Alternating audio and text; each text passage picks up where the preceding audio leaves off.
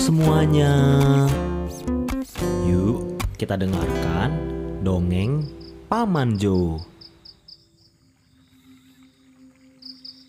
Pada episode ketiga kali ini, Paman Jo akan membacakan cerita yang berjudul Asal Mula Danau Toba.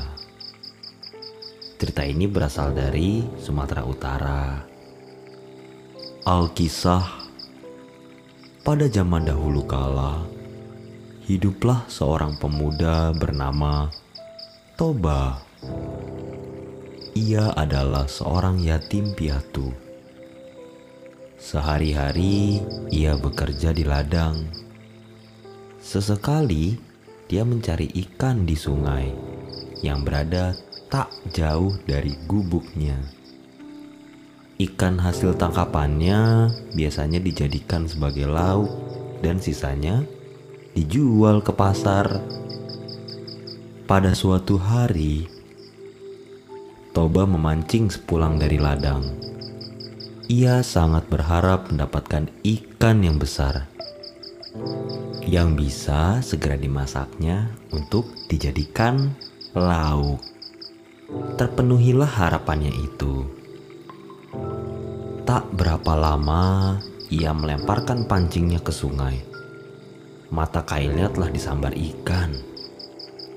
Betapa gembiranya ia ketika menarik tali pancingnya dan mendapati seekor ikan besar tersangkut di mata pancingnya. Sejenak Toba memperhatikan ikan besar yang berhasil dipancingnya itu. Ikan yang aneh, gumamnya. Seumur hidupnya belum pernah dilihatnya ikan seperti itu. Warna ikan itu kekuningan dan sisik-sisiknya kuning keemasan. Terlihat berkilauan sisik-sisik itu ketika terkena sinar matahari. Ketika Toba melepaskan mata kailnya dari mulut ikan tangkapannya, mendadak terjadi sebuah keajaiban. Ikan aneh bersisik kuning kemasan itu menjelma menjadi seorang perempuan yang cantik jelita wajahnya. Toba terheran-heran mendapati keajaiban yang berlangsung di depan matanya itu. Ia hanya berdiri dengan bola mata membulat dan mulut melongo. Tuan, kata perempuan jelmaan ikan indah itu. Aku adalah kutukan dewa karena telah melanggar larangan besarnya. Telah ditakdirkan kepadaku bahwa aku akan berubah bentuk menyerupai makhluk apa saja yang memegang atau menyentuhku.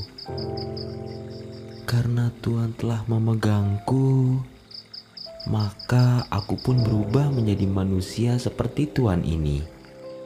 Toba memperkenalkan namanya. Begitu pula dengan perempuan berwajah jelita itu. Namaku Putri Tuan. Toba lantas menjelaskan pula keinginannya untuk memperistri Putri karena dia terpesona kecantikan si perempuan jelmaan ikan itu.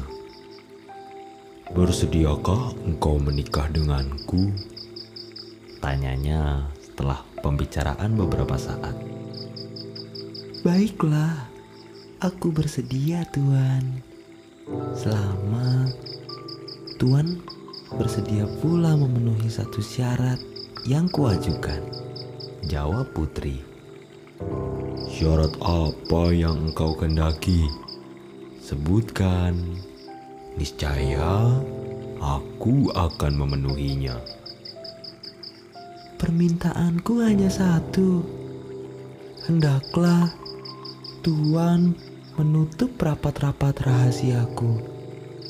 Jangan sekali-kali Tuhan menyebutkan jika aku berasal dari ikan jika Tuhan menyatakan kesediaan Tuhan untuk menjaga rahasia ini, aku bersedia menjadi istri Tuan. Hmm, baiklah, kata Toba. Aku akan menutup rapat-rapat rahasiamu ini. Rahasia ini hanya kita ketahui berdua saja ya. Toba dan Putri pun menikah. Keduanya hidup rukun dan berbahagia, meski dalam kesederhanaan. Kebahagiaan mereka serasa kian lengkap dengan kelahiran anak mereka. Seorang anak laki-laki, Samosir namanya. Samosir tumbuh menjadi anak yang sehat. Tubuhnya kuat. Sayang, dia agak nakal serta pemalas. Keinginannya hanya tidur-tiduran saja. Ia seperti tidak peduli atau ingin membantu kerepotan ayahnya yang sibuk bekerja di ladang.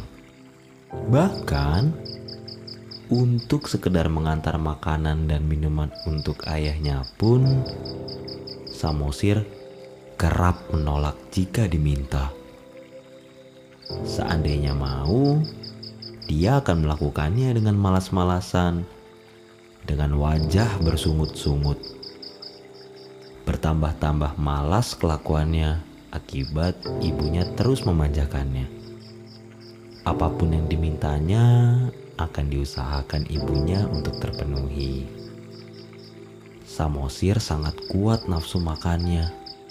Jatah makanan sehari untuk sekeluarganya bisa dihabiskan dalam sekali makan. Toba merasa harus bekerja lebih keras lagi untuk dapat memenuhi keinginan makan anak laki-lakinya yang luar biasa itu. Pada suatu hari, Samosir diminta ibunya untuk mengantarkan makanan dan minuman untuk ayahnya. Samosir yang tengah bermalas-malasan semula enggan untuk menjalankan perintah ibunya itu. Namun, setelah ibunya terus memaksa, akhirnya dia bersedia melakukannya, meski dengan wajah yang bersungut-sungut. Samosir membawa makanan dan minuman itu menuju ke ladang. Di tengah perjalanan, Samosir merasa lapar dihentikannya langkah menuju kebun. Ia lantas memakan makanan yang seharusnya diperuntukkan bagi ayahnya itu. Tidak dihabiskannya semua makanan itu, melainkan disisakan sedikit. Dengan makanan dan minuman yang tersisa sedikit itu, Samosir melanjutkan perjalanan menuju ladang. Setibanya di ladang, Samosir memberikan makanan dan minuman itu untuk ayahnya. Toba telah sangat merasa lapar karena bekerja keras sejak pagi. Langsung membuka bekal untuk memakannya. Terperanjat dia saat melihat makanan untuknya tinggal sedikit.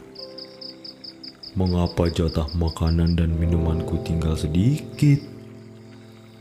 Tanyanya dengan raut wajah kesal.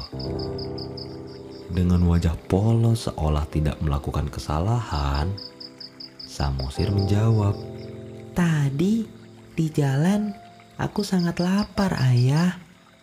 Oleh karenanya jatah makanan dan minuman ayah itu telah kumakan sebagian. Tapi tidak semua kuhabiskan bukan? Masih tersedia sedikit makanan dan minuman untuk ayah. Anak tidak tahu diuntung. Maki Toba kepada anaknya. Kemarahan seketika meninggi. Serasa tidak bisa lagi dia menahan dan bersabar. Umpatnya pun seketika itu meluncur. Dasar anak keturunan ikan engkau ini. Samosir sangat terkejut mendengar umpatan ayahnya. Dia langsung berlari ke rumah. Pada saat bertemu ibunya, Samosir langsung menceritakan umpatan dan cacian ayahnya yang menyebutkan dirinya adalah keturunan ikan. Mendengar pengakuan anaknya, Ibu Samosir menjadi sangat bersedih. Tidak disangka jika suaminya melanggar sumpah untuk tidak menyebutkannya berasal dari ikan. Samosir dan ibunya saling berpegangan. Dalam hitungan sekejap, keduanya menghilang. Keajaiban pun terjadi di bekas pijakan kaki Samosir dan ibunya menyembur air yang sangat deras. Dari dalam tanah, air laksana disemburkan keluar seolah tiada henti. Semakin lama, tidak semakin berukuran semburan air itu, melainkan semakin besar adanya. Dalam waktu cepat, permukaan tanah itu pun tergenang. Permukaan air terus meninggi, dan tak berapa lama kemudian, lembah tempat tinggal Toba telah tergenang oleh air. Terbentuklah kemudian sebuah danau yang sangat luas di tempat itu. Penduduk setempat kemudian menamakan danau itu Danau Toba. Adapun pulau kecil yang berada di tengah-tengah Danau Toba itu disebut Pulau Samosir. Untuk mengingatkan kepada para anak laki-laki Toba. Pesan moral cerita rakyat Sumatera Utara ini adalah janganlah melanggar sumpah yang pernah diucapkan karena buruk akibatnya di kemudian hari. Sekian asal mula Danau Toba, cerita rakyat yang berasal dari Sumatera Utara. Terima kasih ya sudah mendengarkan dongeng Paman Jo. Selamat beristirahat.